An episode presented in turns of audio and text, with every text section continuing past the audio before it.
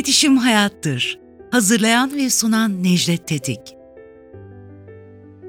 İletişim Hayattır'a hoş geldiniz. Ben Necdet Tetik. Her hafta sizlerle sonsuz bir dünya olan iletişime dair, hayata dair konuları, sorunları ve çözümlerini paylaşacağım.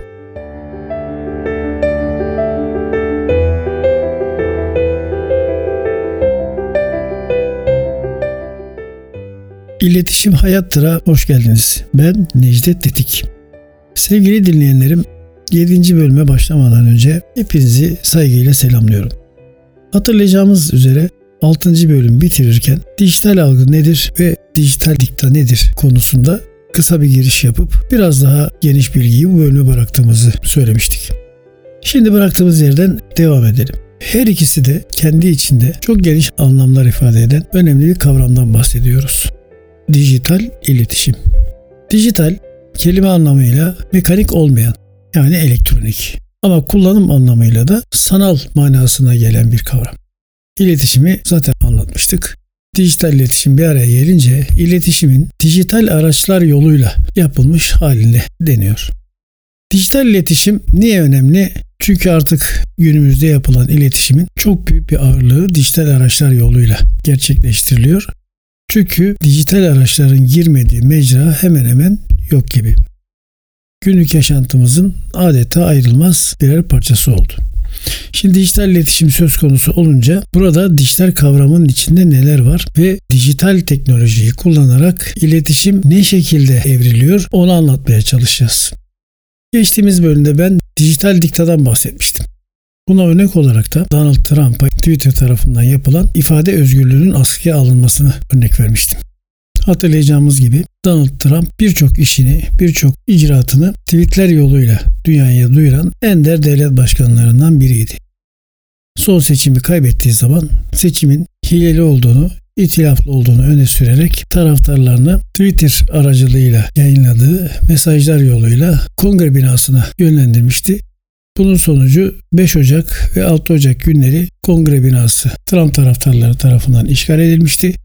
Ölenler, yaralananlar dünyada bir ilk gerçekleşti. Yani nasıl oluyor da Amerika gibi demokrasinin beşiği olduğunu iddia eden bir ülkede Amerikan Kongre binası seçim sonuçlarına itiraz sebebiyle basılıyor. Ama böyle oluyor. Bunun üzerine bunu gerekçe göstererek Twitter firmasının sahipleri Donald Trump'ın Twitter üzerinden yaptığı bütün bildirimleri askıya aldığını, o hesabı uzun bir süre kullandırmayacağını söylemişti. Nihayetinde zaten o hesapta kapatıldı. Bunun üzerine Donald Trump uzun bir süre kendi portalını hazırlayacağını ve bütün duyurularını, bütün çalışmalarını onun üzerinden yapacağını bildirmişti. Şimdi Twitter bu işi zaten dünyanın her memleketinde yapıyor. Ülkemizde de var. Bazı hesaplar birçok gerekçeler gösterilerek bunların içinde haklı olanlar nedir? Hakaretler ve terör özendirici, e, ahlaka aykırı olayları özendirici tweetler yayınlandığı zaman askıya alma hakkına sahip. Ama dünya çapında bir siyasetçinin veya başka siyasetçilerin kendi vatandaşlarının oylarıyla iş başına gelen, demokratik yollarla seçilen siyasetçilerin kendi görüşleri doğrultusundaki beyanatları nedeniyle bir ifade özgürlüğü yasağı getirmesi dijital dikta kavramını ortaya koydu. Geçtiğimiz günlerde 5-6 gün önce yine Twitter Amerika'da bir e, 47 yaşında bir hanım e, temsilciler meclisi üyesi e, Marjorie Green isimli bir senatörün Twitter'a eri, erişiminde askıya aldı, yasakladı. Gerekçe olarak da bu hanımefendinin aşı karşıtı ve maske karşıtı olmasını gösterdi. Dolayısıyla ifade özgürlüğüne koyduğu kısıtlamayı devam ettirdi. Konumuz Twitter değil. Bu tür mecraların yapımcıları tarafından, hizmet sağlayıcıları tarafından gerektiğinde ifade özgürlüğünü ortadan kaldıracak noktaya getirilebilmeleridir. Veya bu mecraların kullanarak değişik sosyal olayları yönlendirmeleri, kültür emperyalizmini yine bu mecralar yoluyla başka uluslara, başka milletlere dikte ettirmeleridir. Dijital diktadan amacımız bu. Şimdi bunları örneklendirelim. Hatırlayacağınız üzere geçtiğimiz yıllarda dünyayı yerinden oynatan bir Arap Baharı yaşandı. Nasıl başlamıştı bu Arap Baharı? Biraz zihnimizi yoklayalım geriye doğru. Sudan'da Muhammed Zozani isminde seyyar satıcılık yapan bir genç hayat pahalılığını, geçim sıkıntısını ve Sudanlı zabıtaların kendisine olan e, şiddet içeren davranışlarını protesto etmek amacıyla kendini yaktı. Bunun üzerine Sudan'da başlayan hareketler, toplumsal hareketler böyle bir domino etkisi yaparak bütün Arap ülkelerine sıçradı. Birçok ülkede yönetimler değişti. Olaylar oldu. İnsanlar öldü. Sözüm ona bu ülkelere demokrasi getirilmek amacıyla Arap Baharı denilen esasında daha önce meşhur Soros'un turuncu devrim yoluyla denediği sosyal ayaklanmalar yaptırıldı. Bu ayaklanmaları, bu hareketleri organize eden belli liderler yok. Hani gençlik lideri olur, siyasi parti lideri olur, başka liderler, böyle liderler yok. Kadrolar yok. Ne var? Sosyal medya üzerinden, internet üzerinden yani az önce bahsettiğimiz dijital mecralar üzerinden toplanma çağrıları var ve bu toplanma çağrılarına uyan insanlar var. Hatta çok bilinen bir örnektir. Mısır'daki Tahrir Meydanı'nın tamamı sosyal medyadaki davetler nedeniyle bir araya geldiler. Ondan sonra bu ülkelere demokrasi geldi mi, gelmedi mi bu işin ayrı yönü. Ama insan şunu sormadan edemiyor. Acaba Arap Baharı Tunuslu genç bir seyyar satıcının kendisini yakması nedeniyle mi başladı? Yoksa Arap Baharı planlandı, yapılacaktı. Böyle bir olayda bu işte tetikleyici unsur olarak mı kullanıldı? Bence ikinci şık daha akla yatkın. Çünkü dünyanın başka ülkelerinde benzer olaylar sosyal medya dediğimiz işte bu dijital medya dediğimiz dijital diktatörlükler tarafından dizayn ediliyor. Geçtiğimiz haftalarda anlatmıştık. Küresel sermaye sahipleri adına globalci dünya dedikleri aileler bir araya geliyor. Ülkeleri dizayn etmeye çalışıyor. Onun için de masum istekleri bahane ederek teknolojiyi kullanıyorlar ve en önemli argümanları da iletişim. İşte bu iletişim sihirli bir kavram haline geliyor. İletişimin başlığı altında değişik argümanlar deneniyor, sosyal olaylar yapılıyor ve dünya akıl almaz olaylara şahit oluyor. Arkasından bir takım faaliyetler, sosyal faaliyetler, terör faaliyetleri meydana geliyor. Ülkelerin kaderleri değişiyor. İnsanlar ölüyor gidiyor. Mesela burada Tunuslu gencin kendini yakması, uzun bir süre eziyet çektikten sonra vefat etmesi çok vahimdir. Onun bu olayı yapmasından sonra değişik Arap ülkelerinde meydana gelen olaylar nedeniyle yüzlerce insanın hayatını kaybetmesi mi vahimdir? Her ikisi de vahimdir ama hangisi hangisinden büyüktür dediğiniz zaman şimdi burada sebep ve sonuç ilişkisi gündeme geliyor. Ben hafta içi Twitter mesajımda programın bu bölümünün tanıtımını yaparken sebep mi büyük sonuç mu büyük diye bir soru sormuştum. Hiçbir sonuç asla sebepten büyük olamaz. Bunu aklınızın bir yerine lütfen yazınız. Bütün yangınlar küçücük bir kıvılcımla başlıyor. Tüm sosyal olaylar küçücük bir taşkınlıkla başlıyor. Bir kendini ifade edememe çaresizliğiyle başlıyor. Ondan sonra öyle bir noktaya geliyor ki sonuç dünyalara bedel görünüyor. Büyük olan sebeptir. Yani sebepleri ortadan kaldırmadan sonuçlara engel olamayız. Bu tabii insanın sosyal hayatında olduğu gibi fiziki hayatında da öyledir. Hastalıkların sonuçları büyüktür ama sebepleri baştan önlenebilir, baştan fark edilebilirse sonucu kesinlikle büyük olmaktan çıkarır. Şimdi iletişimde algı denen bir kavram var. Ben geçtiğimiz hafta algı gerçektir. Kur'an'ı söylediğimde bunu kastetmiştim. Yani algı bir ön kabuldür. Toplumun kabul etmesini istediğiniz şeyi ya da muhatabınızın kabul etmesini istediğiniz şeyi öyle bir sunar, öyle bir anlatır, öyle bir meydana getirirsiniz ki muhatabınız bunun gerçek olduğunu kabul eder. İşte algı gerçektir dediğimiz şey burada bu. Mesela buna da örnek verelim. Biliyorsunuz Amerika Birleşik Devletleri'nde 11 Eylül hadisesi yaşandı. 11 Eylül yapılışı itibariyle henüz açıklığa kavuşturulmuş bir eylem değil.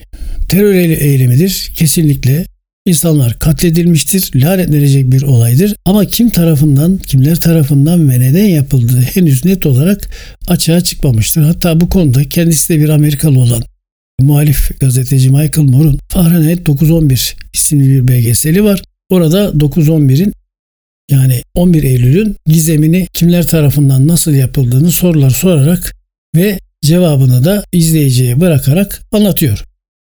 Peki 11 Eylül niye örnek verdik? Şundan 11 Eylül olmadan 5 ila 6 ay önce Hollywood, dünya ticaret merkezinin yer aldığı ikiz kulelerin tıpkı 11 Eylül'de yıkıldığı gibi yıkıldığını gösteren bir film çekti. Hatta bu filmde Arnold Schwarzenegger başrolü oynadı. Orada bir itfaiyecinin yıkılan ikiz kulelerden ve masum insanları kurtarmasını konu alan bir filmdi. Eğer film 11 Eylül'den önce yayına girseydi daha farklı düşünülecekti. Fakat 11 Eylül olayları patlak verince filmin yayınlanması ertelendi. Dolayısıyla 11 Eylül bir muamma olarak milletin kafasında kaldı. Ama ne başlattı? İşte algı gerçeği doğurdu. O günün Amerikan Devlet Başkanı George Bush'un önemli bir konuşması oldu. Bunun yeni bir Haçlı Seferi olduğunu söyledi. O günden sonra İslam ülkelerinin ayakta duramayanları, kendilerini toparlayamayanları bir daha hiçbir şekilde iki yakaları bir araya gelmeyecek şekilde dağıldılar. Hesapta terörle mücadele ya benimlesin ya karşı taraftasın sunumuyla büyük bir terör mücadelesi başlatıldı. Adı terör mücadelesiydi. Gerekçe 11 Eylül olayları. Sonra dünya hiçbir zaman 11 Eylül'den önceki gibi olmadı. Terörün tanımı değişti. Terörü önlemenin yollarının meşruiyeti başka türlü oldu. Tartışılmaz oldu. Büyük ülkeler istedikleri ülkelere potansiyel terörist ülkesi, potansiyel terör ülkesi, teröre destek veren ülke bahaneleriyle müdahale hakkı doğurdu. Bunun örneklerini zaten yıllar içinde gördük, yaşadık, halen yaşıyoruz. En önemlisi Afganistan'dı. Ondan önce Vietnam vardı. Sonunda Irak oldu. Suriye oldu. Dolayısıyla dikkat ediniz. Müslüman ülkelerin iki yakaları bir daha bir araya gelmedi. Burada yaratılan algı maalesef gerçek oldu. İşte algı gerçektir denildiği zaman bunu kastediyoruz. Hafta içinde yine tanıtım mesajlarında dünyayı Hollywood senaristleri mi yönlendiriyor diye bir cümle kurmuştum. Tabii ki bu filmlerden hareketle. Hatırlarsanız Vietnam Savaşı ile ilgili hatta onun son bölümleri son filmleri de Afganistan'la ilgili Rambo filmleri var. Oliver Stone'un ünlü yönetmen yaptığı 4 Temmuz filmi var. Disney'in 1998'de Armageddon diye Amerikan ordusunun ne kadar büyük, ne kadar güçlü ve ne kadar iyi bir ordu olduğunu anlatan filmleri var. Dünyalar Savaşı 2005 yılında belli bir e, algının, belli bir imajın yerleştirilmesi için Hollywood tarafından çekilmiş, gösterime sunulmuş ve bu ülkelerde kabul görmüş filmleri var. Şimdi burada bilinen bir şey var. Bu işlerle uğraşan e, hocalarımız, arkadaşlarımız bilirler. Hatta siyasetçilerimiz de bilir. Amerika Birleşik Devletleri yapı itibariyle dünyaya şöyle bir algı yaratmaya çalışır. Demokrasiyi Amerika götürür, haksızlıkları Amerika giderir, dünyanın patronu Amerika'dır. Bu hep yapıldı. Bir CIA elemanının yaptığı kötülüğü bir başka devlet kurumu olan FBI'ın ya da başka bir derin devlet teşkilatının gidermesi neticede insan haklarının, özgürlüklerin, hürriyetlerin Amerikalılar tarafından, Amerikan devleti tarafından sağlandığının bilinmesi istenir. Ne zaman böyle bir film çevrilse, ne zaman böyle bir film yapılsa akarsanız arkasından bir işgal, bir kurtarma operasyonu adı altında bir facia gelir. Bu konuda Doktor Ramazan Kurtoğlu Türkiye'nin en çok kafa yoran değerli bilim insanlarından ve çok takdir ederek takip ettiğimiz hocamızın yazdığı kitaplar vardır. Ama en önemli kitap bu konuda Evangelizm adlı eseridir. Tavsiye ediyorum. Ayrıca toplumların algı düzeyi var mıdır? Vardır. Nedir? Her toplum homojen yapıya sahip değildir. Hatta hiçbir toplum homojen yapıya sahip değildir. Ne anlamda? Etnik anlamda değil. Kültürel ve algılama kabiliyeti anlamında eğitim ve kültür seviyeleri değişik insanlardan oluştuğu için her toplumun olayları anlatıldığı zaman anlama kabiliyetleri kısıtlıdır, değişiktir. Kiminin çoktur, kiminin azdır ama herkes bir arada yaşar. Bu mesajları sunanlar yani dijital diktatörler öyle ya diktanın olduğu yere diktatörler vardır. Bu planı programı yapanlar hitap ettikleri toplumun algı düzeylerini ölçüp biçmek ve ona göre hitap etmek, ona göre yönlendirmek, netice almak zorundadırlar. Hafta içinde yazdığımız toplumların algı düzeyi var mıdır sorusunun cevabı bu. Vardır. Neden vardır? Bu toplumlara bazı şeyleri kabul ettirmek, dikte ettirmek, algı düzeyinin kavranılmasına ve o düzeye uygun sunumlar yapılmasına bağlıdır. Şimdi konu dağılmış gibi görünmesin. İletişimde algının ne kadar önemli olduğunu anlatmaya çalıştım. Bu kesinlikle bir siyasi konu değildir. Bunu hemen ayıralım yani. Burada bir siyaset söz konusu değil. Burada toplumlara e, yerleştirilmek istenen, toplumlara kabul ettirilmek istenen algıdan kurtulmanın yollarını bulmak gerekir. Bunun yolu iletişimi her bireyin özellikle devlet tarafından güçlendirilerek verilecek bir eğitimle her bireyin iletişimi A'dan Z'ye çok iyi anlaması, çok iyi kavraması ve hayata geçirmesiyle mümkündür. Son bir örnekle e, bu bölümü kapatmak istiyorum. Önümüzdeki hafta devam etmek üzere. Geçtiğimiz ay siyaseti uzun bir başbakanlık döneminden sonra yaklaşık 16 yıllık başbakanlık döneminden sonra bırakan şansölye Angela Merkel'in bir Ankara ziyaretinde Cumhurbaşkanımızla basın açıklaması yaparken kullandığı İslam terörü ifadesini çok çabuk davranarak Sayın Cumhurbaşkanımızın anında gidermesi. Sözünü keserek diplomatik nezaketi falan içe sayarak bir saniye bir saniye bu sözü lütfen düzeltin. İslam terörü diye bir kavramı kabul etmiyoruz demesi bunun son örneğidir. Eğer bunu İslam terörü kavramını Angela Merkel'e gittiği bir yabancı Müslüman ülkede, Türkiye gibi önemli bir ülkede söyletecek kadar ileriye götürmüşse bu algıyı yapanlar İslam'ın ve terörün yan yana getirilmesinde büyük başarı kat etmişler demektir. Biz de bu konuda çok hassas olmak zorunda, dikkat etmek zorundayız. Şimdilik bu bölümü burada noktalamak istiyorum.